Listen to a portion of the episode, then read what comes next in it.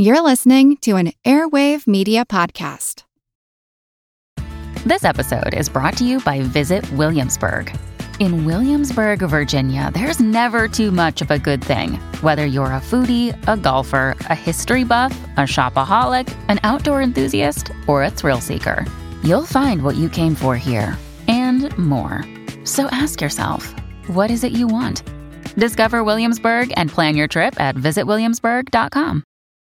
When you need mealtime inspiration, it's worth shopping Kroger, where you'll find over 30,000 mouthwatering choices that excite your inner foodie. And no matter what tasty choice you make, you'll enjoy our everyday low prices, plus extra ways to save, like digital coupons worth over $600 each week. You can also save up to $1 off per gallon at the pump with fuel points. More savings and more inspiring flavors make shopping Kroger worth it every time. Kroger, fresh for everyone. Fuel restrictions apply. This is Kick Ass News. I'm Ben Mathis.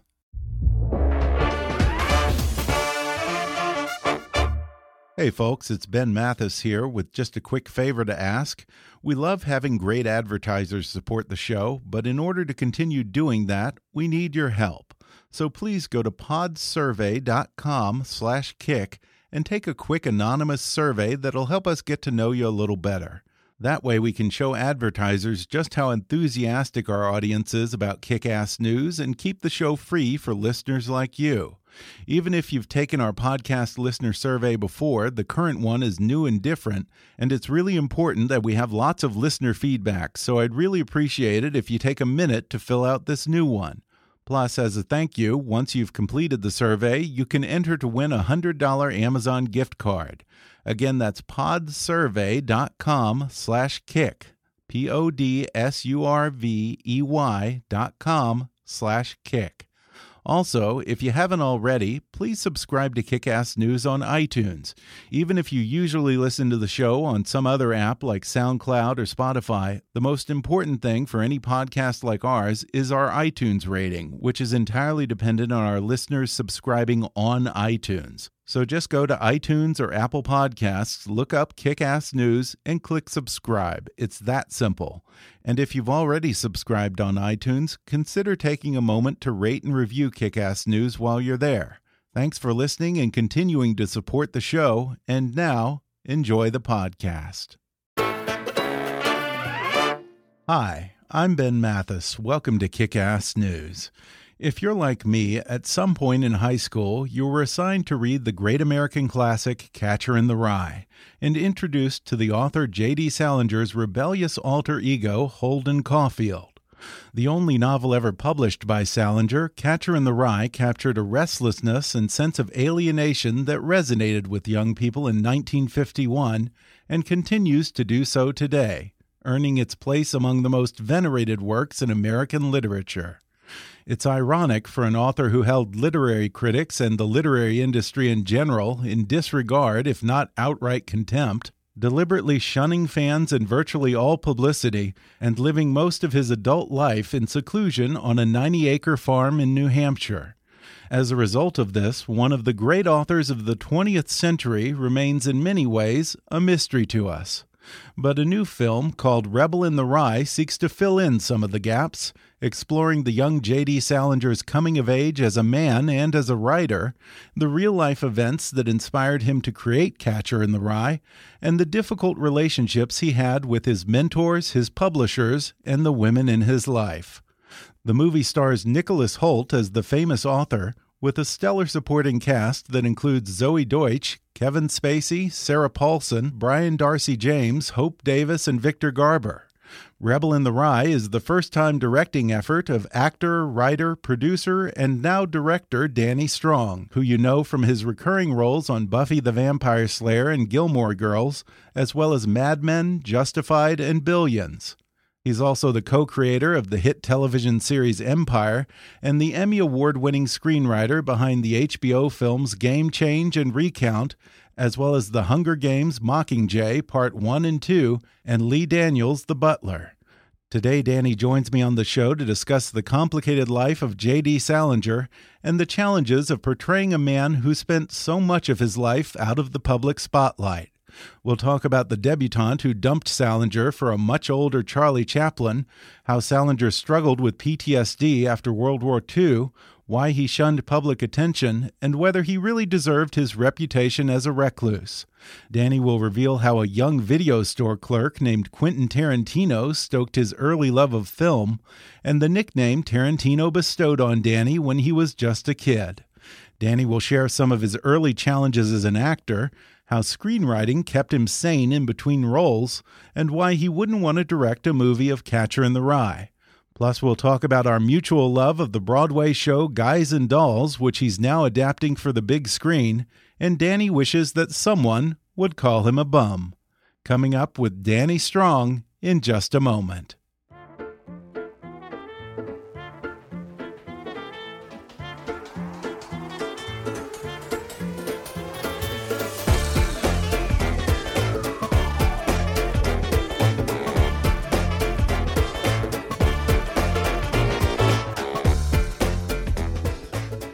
Danny Strong is an award winning quadruple threat actor, writer, producer, and director. You know his face from such TV series and films such as Pleasantville, Seabiscuit, Seinfeld, Nip Tuck, Third Rock from the Sun, Mad Men, Justified, and Billions. But he's best recognized for his five seasons on Buffy the Vampire Slayer and his four seasons on Gilmore Girls.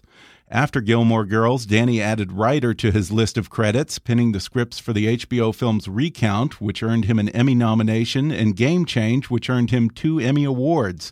On the big screen, he co wrote The Hunger Games Part 1 and 2 and Lee Daniels The Butler. He also works with Lee Daniels as co creator and writer of the hit TV series Empire. As if that's not enough, now he's directed his first film. It's a biopic of writer J.D. Salinger called Rebel in the Rye, which opens in theaters this September 8th. Danny, thanks for coming on the podcast. Thank you so much for having me, and thank you for that introduction. Uh, that was exciting to hear. I was like, "Wow, sounds cool." yeah, you've you've had quite a career so far. Yeah, it's been. and you're still a young run. guy. Yeah, I'm waiting for them to kick me out any day now. Maybe after this interview. well, I was reading your IMDb before you came in, and it said that you grew up in Manhattan Beach. And I was sort of amused that on IMDb they describe Manhattan Beach as a little borough south of Los Angeles. this lovely little borough yeah. of Manhattan Beach. I, well, the Manhattan Beach I grew for up some in reason. Uh, was so different than what it is now. Oh, I'm sure. Yeah, it was this very sleepy middle class to lower middle class beach town. Yeah, and uh, and now it's very very wealthy. Um, and it was it's, it's, sort of the polar opposite of, of my childhood. Yeah, were you a surfer? No, I was a volleyball player actually. Oh, okay. Yeah, and I'm not very tall, so they tell me. And uh, I was, I believe, the shortest starter in the history of Mira Costa High School volleyball team, which is my claim to fame. and how did you guys do? Oh, Mira Costa High School was one of the leading uh, volleyball high schools in the country. In Manhattan Beach is a volleyball town. I would say volleyball is to Manhattan Beach as basketball is to Indiana. I mean, it really Yeah. is a big deal there. And the Manhattan Open is the Wimbledon of pro beach volleyball as it takes place there. And we have a lot of Olympians and pro beach players come out of uh, Manhattan Beach, which I was neither an Olympian nor a pro beach player. well, you had acting to fall back on. there you go. Yeah. I was interested to read that. Uh, I guess you used to rent videos from video archives down there, and you befriended the video clerk who was a young Quentin Tarantino. He would recommend movies to you. What, what kind of movies did he turn you on to when well, you were a kid? It was pretty wild. He was I was a movie buff by the age of 10 and there was this avant-garde video store and my mom knew I was into interesting movies so she started taking me to this avant-garde video store and I befriended the clerk who was a young Quentin Tarantino in his mid 20s, I guess. And I spent so much time with him that they called me Little Quentin. And they'd say, Quentin, Little Quentin's here. And then I'd show up and I'd sit there and talk to him for an hour at a time. And I'd go in three, four times a week. Um, and I, I, a lot of the films were a lot of genre stuff, which is not Yeah. surprising. Um, I remember there was this movie called Fear City that he said I had to see. You got to see this movie, okay? it's Fear City, all right? Um, and I remember him recommending Year of the Dragon, which was a movie Yeah. that came out in the theater and I was only 11 and it was rated R and I kept sneaking into it and I kept getting thrown out.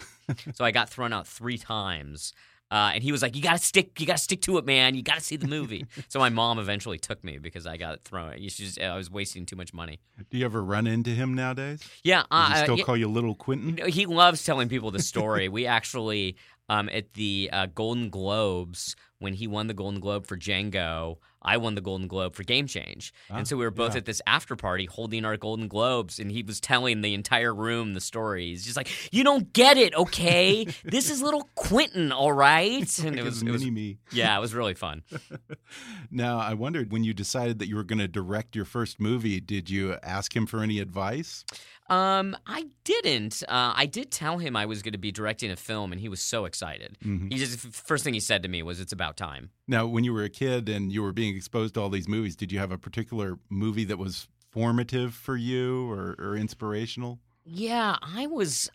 I loved. Mo- I loved. No- I didn't watch kid movies when I was a kid. You know, I remember all that jazz was one of my favorite movies when I was Mm-hmm. Oh, a Bob kid. Fosse. Yeah, that's very strange, right? And and I for, loved for a ten-year-old or Yeah, like teenage ex- boy. I think even younger, uh, Yeah, right? And uh, and Apocalypse Now and The Mhm. Godfather. Yeah. those were the movies I loved uh, as a kid. I remember seeing uh, The Third Man when Mhm. I was 11, and I just loved it. And all these movies are still some of my favorites. yeah. Now, did you want to get into the business from an early age, and, and what area interested you as Uh, a I, kid? I wanted to be an actor since I think I was five, six Yeah. years old. Yeah, and I would do impressions and accents and stuff. And I was uh, when I was eight, I started writing letters to agents. really? and agencies. Yeah, not even the specific agent because well, I don't know what I'm doing, right? Oh, just addressed to CAA, dear Yeah, CAA. I did. I sent letters William to William Morris. Did you think he was a real person? I didn't know. it's a very dear good Mr. question. Morris. Dear Mr. Morris. No, I remember sending letters to William Morris saying I wanted to be an actor and putting some pictures in the letters and waiting every day for a response. And I'd come home and is this the day that William Morris is going to write me back? And Harry Gold, who his daughter Tracey and Missy Gold were these big TV stars at the time, and he was famous as their father agents. And I would I sent him letters, and uh, no one ever responded. no one ever responded. No one ever responded. So how did you get your first agent then? Um, I got my first agent when I think I was 14 or 15 through a friend at, at my high school. Gave Okay. my picture to an agent who wanted to meet with me. And so then the agent signed me, but I actually, and I went on a few auditions, but I was really more interested in doing high school theater and, and volleyball than really. I mean, I wanted to be on TV and do these commercials, but I would go on some auditions and it wouldn't really, it wouldn't go anywhere. And um, so I didn't really start to audition more seriously till I was about 18, 19. hmm And I was a theater major in college at USC. So I was at USC studying theater, also auditioning at the same time. And I never worked either then, too. I mean, that was four years of auditioning where I didn't book anything. Yeah, that's the one thing aside from zero acting talent that's dissuaded me from ever wanting to be an actor is just having to constantly go in and try your hardest and get beat up and rejected Yeah. over and over again. I mean, it's kind of soul crushing, I imagine. It How chips do you away get at you. that? I don't know if you do. Oh, really? I mean, it sort of chips away at you, even though if you're you you you try to put up uh, I don't know if a veneer is the right word, but you just try and suck it up and keep going and keep Mm-hmm. going. But it is very very disappointing, um, and that's actually why I started writing was to get my mind off my auditions.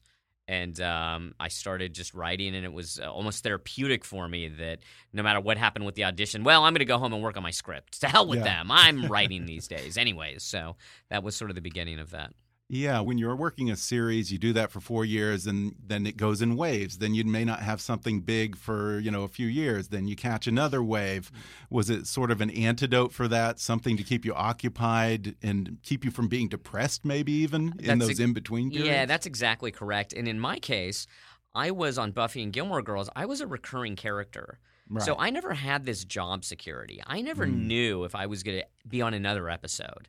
So every episode could have been my last episode of those shows. And on Buffy, on season six of Buffy, I had a 10 episode contract. That's the only time in my career I ever had a contract hmm. like that as an actor. So even when I was on those shows, I was still pounding the pavement as hard as I could, trying to get other work, trying to make my rent, trying to qualify for health insurance as an actor, which I did every year. And to this day, I still don't know how. It was so scrappy a combination of TV shows and commercials and voiceovers. And I would do one movie a year, and it was always really bad, but I was happy to book the movie.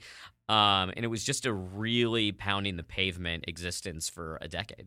Now, when you shifted gears after your stint on Buffy and the Gilmore Girls, did you find that it was hard to get the town to take you seriously as a writer at first? Mm. No, I didn't because Really? as a writer, it's what matters as a writer is what is on the page. Right. So it doesn't matter who you are. Uh, Um, and maybe someone might have a bias about reading a script if they know you're an actor. Um, but at the end of the day, there's there's an actual proof of what you can and cannot do, and it's on that script. And once someone gets a few pages into a script, it really doesn't matter whose name's on it. Either they like it or Yeah, they don't like it. And most scripts are pretty tough to read, to be honest with you. It's not easy to write a script. And so the writing just spoke for itself. And really savvy development people in the business know that when actors can write, they make terrific writers. So that's a, that's a yeah. thing that people know that that they're that, that that's a it's a pathway to becoming a writer is is having been an actor. Are you still interested in doing acting as well, or is this kind of where your passion is right now? Well, when I uh, when my writing career finally took off after six seven years of doing that and not succeeding, um, there, there's a lot of not succeeding in this in this profession. Um, I quit acting for two years, and it was the happiest two years of my life. It was amazing not having that hang over me for the first time in 15 years. Yeah. And uh, I didn't know if I was ever going to act again, but I had this manager, David Sweeney, who had been with me for many years as an actor, and he didn't want me to stop. So he just kept calling me every few months saying, Do you want to start up again? And I kept saying no, but I would be nice about it. And then finally he called me, he said, I have an audition for you for Mad Men, which was the hottest show of the time and my favorite show, maybe one of my favorite shows of all time. Yeah. And uh, I said, Well, okay, I'll go in on that audition. and then I got the part. Yeah. And so from there, uh, and I did several episodes. It was an amazing Yeah. experience. Weren't you you were like an ad agent who kind of went Hollywood, didn't, didn't cut Exactly. it on Madison Avenue, and then you went to Hollywood, and, and then know, being a Hollywood hippie producer, was way easier. yeah, yeah, and I and I punched Roger fun. Sterling in the balls, Yeah. which is maybe one of my career highlights. So I, um, from there, I have dec- I decided and have sort of kept to it, which is if something really cool comes along, Mhm. it's usually a combination of a terrific show and a really cool part, and something that's not too time consuming. Mhm. uh, then I do it. And it's been, I've been pretty fortunate where it's been about once a year I end up on some terrific show and I have a wonderful time. Uh, and that's what I've been doing. You know, last season I did Billions and I'll be back on Billions this season. And it's literally the perfect acting job for me. It's a terrific part on a terrific show and, and it's fun. Yeah, it's a fantastic show. Now, before we started here, I heard you talking about Mark Halperin. Your first writing effort was Recount for HBO, which was widely acclaimed and, like I said, nominated for an Emmy. And then you followed it up with Game Change for HBO, which won you two Emmys, which was based on the Mark Halperin, John Heilemann bestseller about the 2008 election. I've had them both on the show before. What are those two guys like to work with? Oh, I love those guys. I Yeah. mean, they've become really close friends of mine, and Really? I'm, I'm very fond of them. And, uh, you know, they're two of the smartest political reporters in the country. Yeah. So they're fascinating. They're fascinating to talk to and hang out with, and they're completely different guys. They Mhm. couldn't be more different. And I usually uh, hang out with one or the other. I don't go out with them as a tandem. And they have wonderful wives and uh, and and very dear friends of mine, and they're they're both very brilliant. And I usually just love to hear them talk about politics Yeah. and just listen. Are they insufferable now that they have their own show on Showtime? Uh, no, no, they Hasn't uh, gone to their heads? No, not at all. I mean, it's it's in some ways it's made them cooler. I find some people success um they become I don't want to say down to earth, but it's it it relaxes them.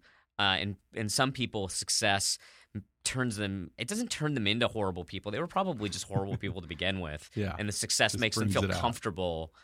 Being that way. Yeah. Um, but but f- more often than not, I've found people. Uh, it's the opposite, where success kind of mellows them a little bit in Mhm. a in a way where it makes them, you know, more fun to be around. Well, one person who didn't get mellowed by success was J.D. Salinger. Well, it was difficult for him, yeah. Your directorial debut film is called Rebel in the Rye, and it got fantastic buzz after it premiered at Sundance this year. It is a biopic of J.D. Salinger that goes into his younger years and his writing of Catcher in the Rye, and then struggling to deal with the success and fame that followed that book. If you're like me, I'm guessing that you probably read Catcher when you were in high school, right? Yeah, yeah. I mean, like everyone else, I read it when I was 14, a freshman in high school. Mm-hmm. Uh, very, very influential on me, as it is for so many people. Where I think it's the first time that many people read a book that reflects their own lives and their own mm-hmm. point of view so profoundly. Mm-hmm. And maybe it's the first time that they just experience themselves in art Mhm. and it really I think has a deep impact. Um, I reread it obviously when I was writing the script, and I was pleasantly surprised at how much I loved it at this age. Mhm. And I thought it was just a gangbusters of a book. It was Yeah. so funny and entertaining and cool and sad and and I, I it's it it's it was one of those things where time did not sour it. It held up Yeah. and and was uh, so much fun to read. Did you relate to Holden Caulfield? I I understood why I related to him in high school. Yeah. Were you a smart ass? Yeah, I was a total smartass. I Yeah. mean, so much of um of Cookie Lyon is is Mm-hmm. is my 12 year old junior high smartass. so when I when I'm writing Cookie Lyon lines, it, it, it's a lot of it is I'm just channeling like this, Yeah. you know, the young smartass I was in high school and junior high. Yeah. Did you walk around Manhattan Beach in a red hunter's cap? Yeah, yes, I did. I'm wearing one right now for those who can't see. It's Yeah. kind of sad, but hey, you just got to do what you got to do. Well, there's a reason I think that you named it Rebel in the Rye. J.D. Salinger seems to constantly have had a chip on his shoulder, even from a young age. Why do you think that was? That's a really good question. Um, he was, uh, I, I mean, I'm always speculating, but I think being a Jew in the Upper East Side, um, he was, I think, out of place in Mhm. a way. Um, he, you know, in the in that period, Jews were were outsiders. Mhm. Um, he was half Jewish, uh, and and um, didn't even they didn't even know their mother wasn't Jewish until quite a while. yeah, that was shocking to me. Yeah, and his dad would h- want to hide his Judaism from his neighbors.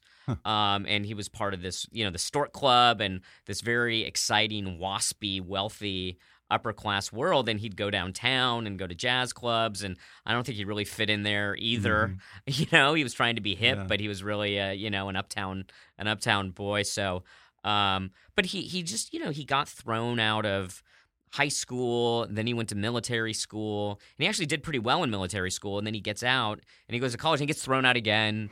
Uh, then goes to another school, he drops out right away. So I think being a student um, was challenging for him. I think he was probably bored, would be my guess. Um, Yeah. Having a hard time concentrating in class, would zone out all the time. Yeah, it sounds like he had trouble finding his place and fitting in because I think there. I'm, I'm going to mangle this probably, but I think he says a line in the movie that every time he goes downtown, he feels like a square, and every time he goes uptown, he feels like a Jew or something. That's or exactly it. Yeah, yeah. We're going to take a quick break, and then I'll be back with more with actor, writer, director, and producer Danny Strong when we come back in just a moment.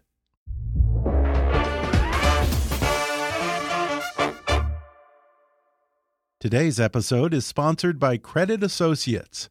If you can't afford to pay off all your debt, don't let the credit card companies trick you into thinking you have to.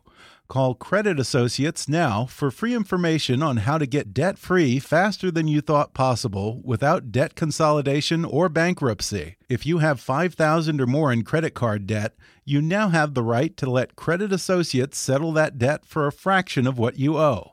For free information, call 1 800 500 0351. Credit Associates depends on your success and offers a guarantee, so there's no risk. They'll even show you how much money you could save. So don't wait. Call Credit Associates at 1 800 500 0351.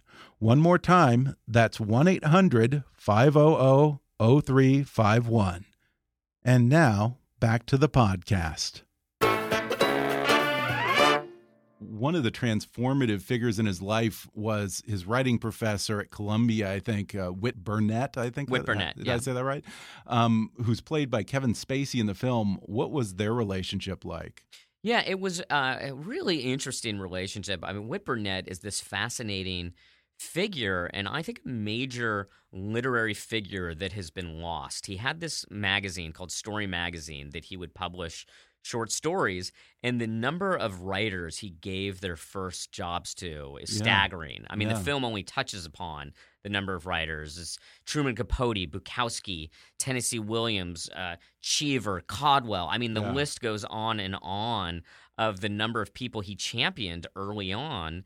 And um, uh, Salinger was a student in his course at Columbia, uh, not a good student initially, and then eventually uh, Whit won him over, Hmm. and he got kind of sucked into the class, and then started.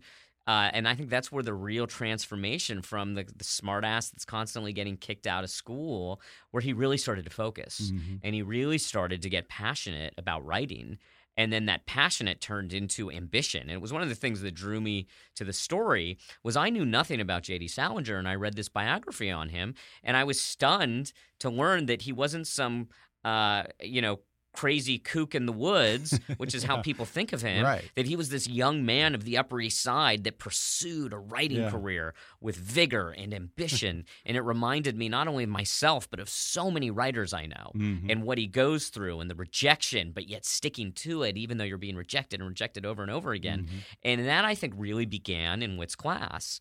Um, and then Whit ended up. Uh, like so many of those people I named, he gave he published Salinger for the first time in Story Mhm. magazine. So he gave Salinger his first quote unquote break, and I think Salinger thought, "Oh, I'm going to be a success now."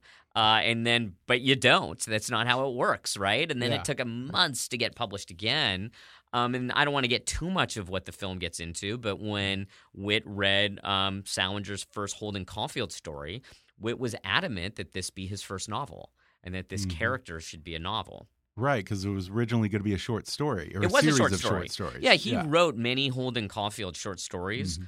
uh, before he started writing Catcher in the Rye. But Whit was adamant that Holden Caulfield be quote unquote a novel and literally kept pushing him for it. And uh, there are letters that you can Mhm. read where he's, Where's my Caulfield novel? and he just was really, he really believed in it. Yeah, and it's interesting because later in the film you see Whit Burnett struggling with his magazine story, which, like you said, had all of these authors who had published short stories in it, and it gets to the point where he's he's practically begging J.D. Salinger to give him some kind of a story or something. Yeah, I mean, I don't, alive. I don't want to give too much of, Right. of the movie away, but he definitely, Story Magazine for its entire existence struggled. Um, Yeah. As you can Even imagine, they had I all these great authors. Yeah, but they weren't great when he when he found them. They were Ah, just they were just they were unknowns. I mean, he was literally giving them uh, their first writing Mhm. jobs and publishing these people for the first time, Mhm. or being a very early champion of them. And uh, I love that now he's a major character played by a major movie star in a film. I Yeah. think there needs to be some Whit Burnett. Need, yeah, needs to get his due. Yeah. Now, I didn't know that the character of Sally Hayes in Catcher was based or loosely based on Oona O'Neill, the daughter of the playwright Eugene O'Neill. Uh, somewhere in here, I saw that relationship described as a beautiful relationship with Salinger. it didn't seem that beautiful to me. That yeah, yeah, like I a- don't think so either. I mean, you know, uh, the fact that in the film, I'm, I, I think I'm inferring it, Yeah. right? That's I'm not definitively saying that Right. Sally was Oona. Um, however, when he was writing these Holden Caulfield short stories, when he started it, is when he was dating Oona. And it wasn't going well. Yeah. I mean, Oona O'Neill was debutante of the year, literally Mhm. debutante of the year of 1942, which is a very exciting title. It's so funny that phrase even existed. But there was, um, she was this sought after beauty. Yeah. She was Eugene O'Neill's daughter. She was gorgeous. She was very uh, well read. She could converse.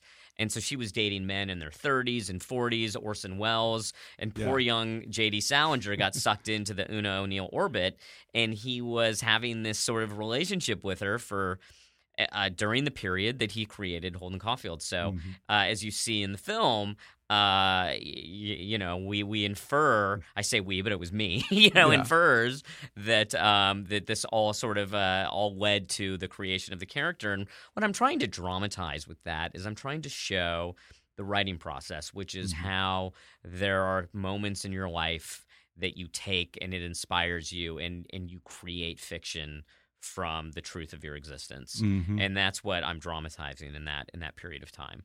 Yeah, I mean, she kind of drove him a little bit mad, I think, for a while there because, you know, she's standing him up. And then eventually, of course, she ends up marrying Charlie Chaplin Yeah, and he was thought what, it was like his girlfriend. Thirty years her senior, or yeah, something like exactly. that. he thought this was his girlfriend, wow, and he goes off to war, and he comes, and then while he's there, while he's in training camp, he finds out that she has married the most famous movie star in the country.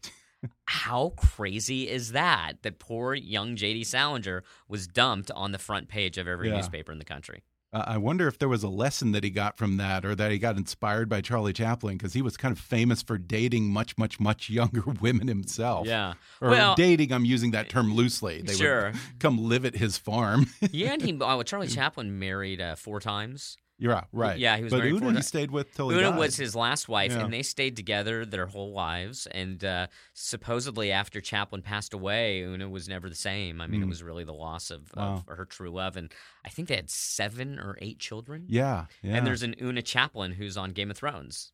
oh, is that the same? Oh, the I didn't realize that. Yeah, I didn't realize that. yeah, it's pretty neat, huh? Huh. Well, you know, he had a string of troubled relationships. I've heard him over the years variously described as a womanizer, a misogynist, even a sexual predator, J.D. Salinger. What were women to J.D. Salinger in your mind? I, eh, you know, I can't answer that. I don't Yeah. know what was in his heart. Uh, I know that there's a, a few people that have gone public. You know, Joyce Maynard, very famously. I think there are plenty of relationships he had where people didn't go public, and there, I don't know if they had a neg- negative experience or not.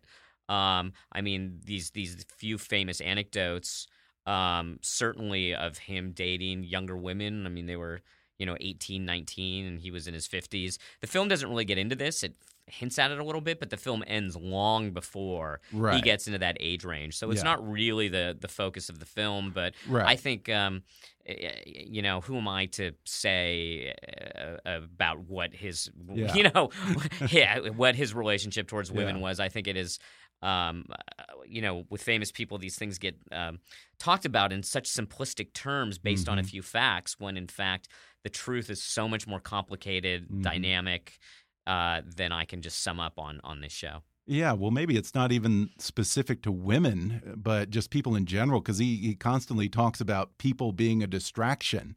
And he seems to always be trying to get away from people and block out everything else and just focus on his writing. I think that's incredibly astute, and I think that's um, very much what the film gets into, Mhm. which is this guy who is this charismatic young man of New York City who then goes to war. Mhm. uh, and is in World War II and has a very uh, traumatic experience in war and is institutionalized uh, as soon as the war Right. is over. With PTSD? yeah, exactly. And um, and it's the the transformation of him dealing with it and Catcher in the Rye comes from a veteran.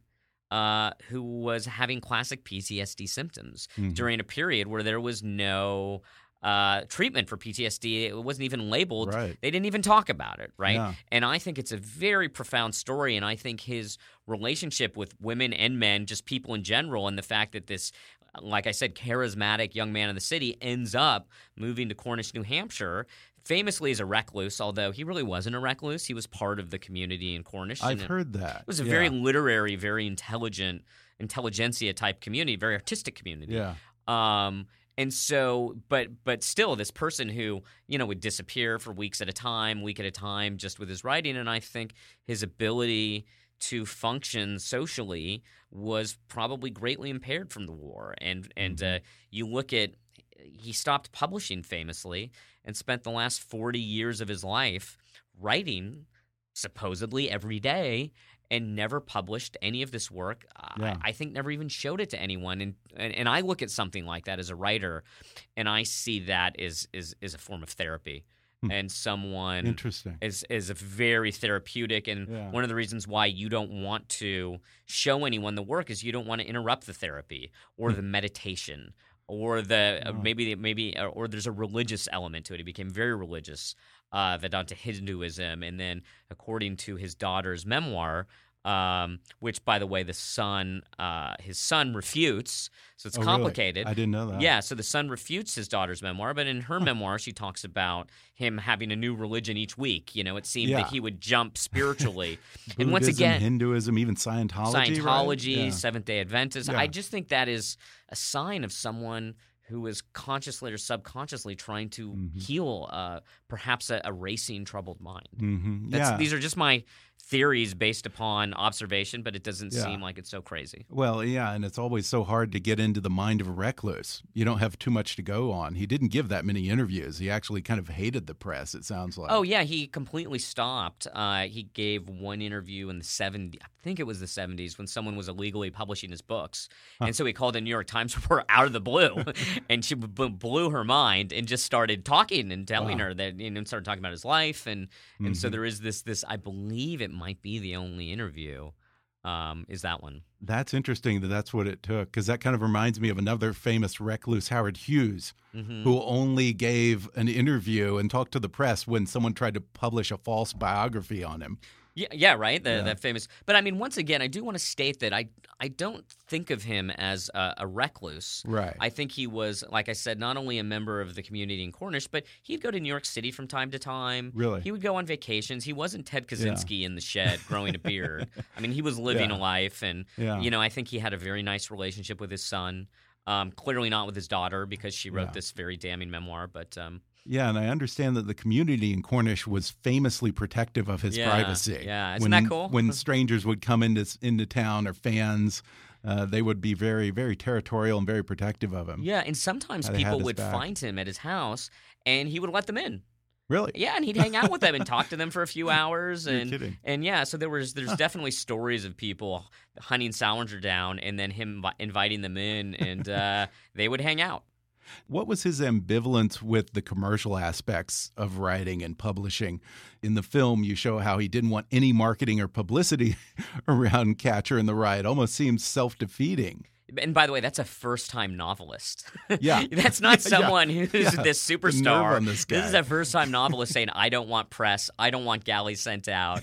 and then he did agree to them. Um, but um, uh, I, I think that there was a real artistic purity with him, Mhm. and that he believed that the story was all that mattered, and he wanted the reader to just experience the story in its purest form. Mhm. And that's very much along the lines of what the film is ultimately about is this journey to this purest form of the artist Mhm. um, and what it means to be an artist. And I thought, what a what an amazing way to tell the story of of the artist journey, but through a, a writer who was uh, traumatized in World War II Mhm. and who experienced the darkest horrors of war, and then from that experience ends up creating one of the most important masterpieces of the 20th century.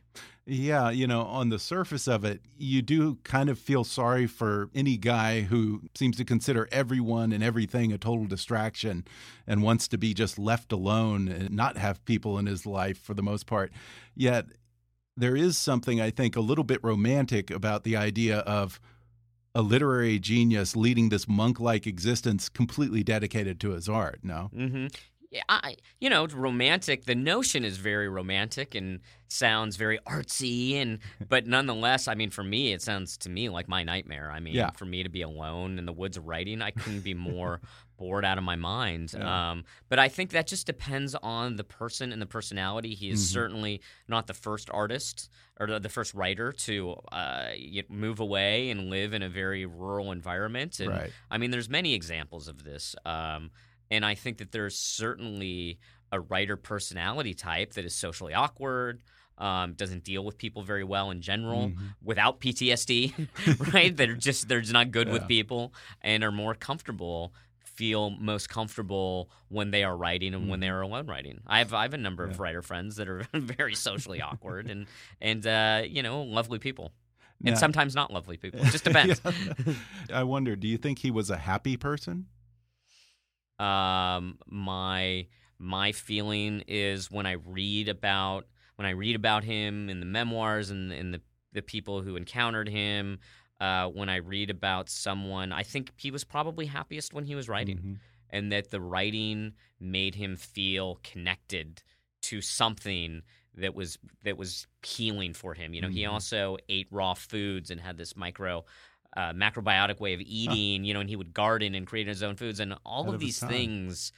Uh, to me, with the religion and the the way he was eating, um, they all point to someone trying to heal themselves. Mhm. That's my that's my takeaway is an individual trying to heal himself. Mhm. Um, uh, and uh, and I, I find it very um, very profound. I'm very moved by the story Mhm. with the weirdness and all. Um, and uh, and th- that's just my own my you know I keep saying that, but I I don't want to come across that I'm this Salinger expert. I mean I did write Right. the film and I'm very knowledgeable on the subject, but at the end of the day, I don't see how someone could be an expert on someone that was not that no one really experienced Right. for 60 years of their lives that Yeah. were that only their very closest family members Yeah. really were around. So Yeah.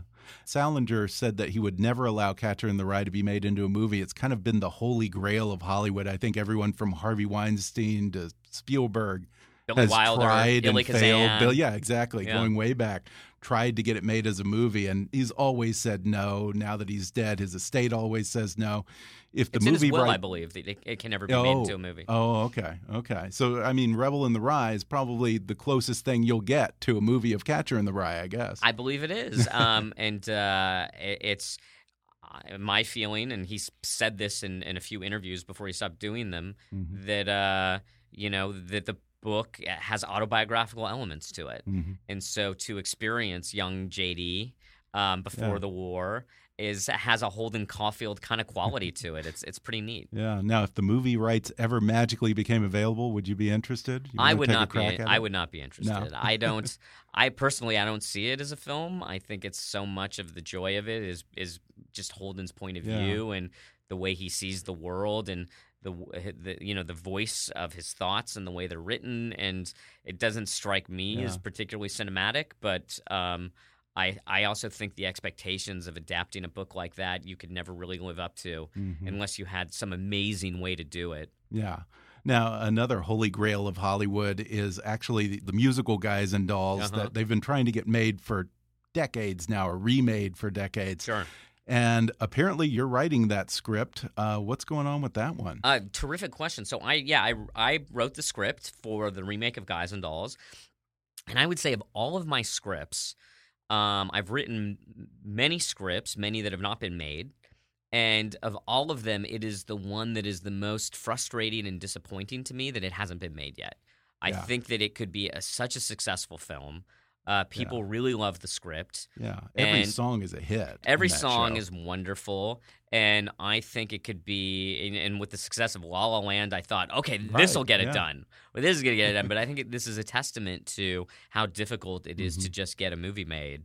And I'm. Yeah. still hopeful that the film will get made, but it's I'm it's one of those things where I still can't believe it's just sitting on a shelf. Yeah. I'm I just I want to scream to the heavens, people, we got a hit here. this could Yeah. be so successful and so cool. In the original Guys and Dolls film, I hope I don't offend anyone. It's not very good. It's and, not. and it and It's it deserves bad. to have a, a terrific movie made of it. It's it's it's a piece of Americana. Um, it's one- it's the gold standard of, of American musical theater. So Mm-hmm. Yeah. I'm still hopeful that there will be a, a Guys and Dolls movie. you know, I think that most people remember, they think that the album was the movie. There's an album that has the whole Rat Pack on it that doing all these numbers from Guys and Dolls. But the movie, you know, it, it's Frank Sinatra playing Nathan uh, Detroit. the- probably the wrong role for him. Yeah, he should have played Sky Sky. Masterson. Yeah. Brando, who can't sing, is playing Sky Masterson. It's not one of the memorable musicals of the golden age of musicals, Yeah. really. It's a strange movie, Yeah. and it's shot in a, a pr- almost proscenium like Yeah. way, as if they were shooting a play, and Yeah. and uh, and I just don't think it, it. It's you know, it's not some Yeah. beloved classic, and and so when it was brought to me um, to potentially adapt, I thought, oh, I would love to do that because I didn't feel the weight of the original Mhm. movie hanging over me, and this Yeah. sense of this this deserves its own movie. Yeah. I mean, it deserves a new version. Well, yeah, I'm amazed that they even got the rights to it because people were chasing the rights to Guys and Dolls for decades, and it was so convoluted because you had the composer's widow, and then you had the Damon Runyon estate. You uh, understand that uh, that's exactly well, right. I do because I remember I, I- years ago Stanley Tucci and I were trying to do an anthology series of the short stories of Damon Runyon, and it was crazy because the guy who controlled the rights to all the short stories, the underlying works for Guys and Dolls by Damon Runyon, was like a character out of Runyon himself. I think his name was Shelley something, and he was like this big, tough old guy from New York. I think he was a lawyer, but he would like talk about, oh yeah, I knew Frank Costello and the guys in the outfit, and you know Walter Winchell. That guy was a bum. he was a piece of work. I want someone to say that about me one day. That guy's a bum. Is a bum. no good bum. well, I think this film is going to do pretty well, so uh, I don't think that you'll be hearing that anytime soon. Uh, I highly recommend that people see Rebel in the Rye. It comes out in theaters Friday, September 8th. Danny Strong, thanks for talking with hey, me. Thank you. This was so much fun. I really appreciate it. My pleasure. Thanks again to Danny Strong for joining me on the podcast. Rebel in the Rye opens in theaters tomorrow, Friday, September 8th, and his show Empire returns for a fourth season on Fox September 27th. Follow Danny Strong on Twitter at, at Danny Strong.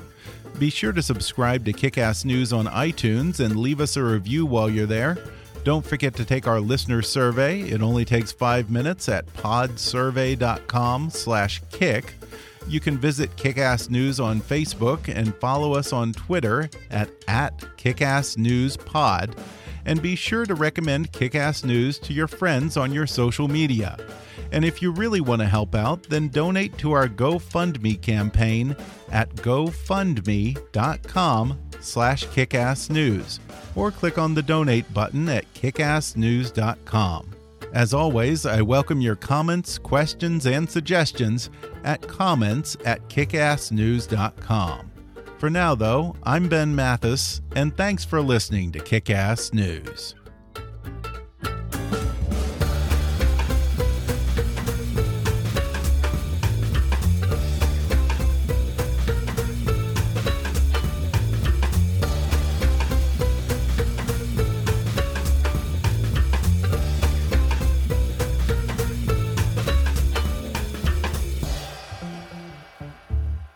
Kick News is a trademark of Mathis Entertainment, Inc.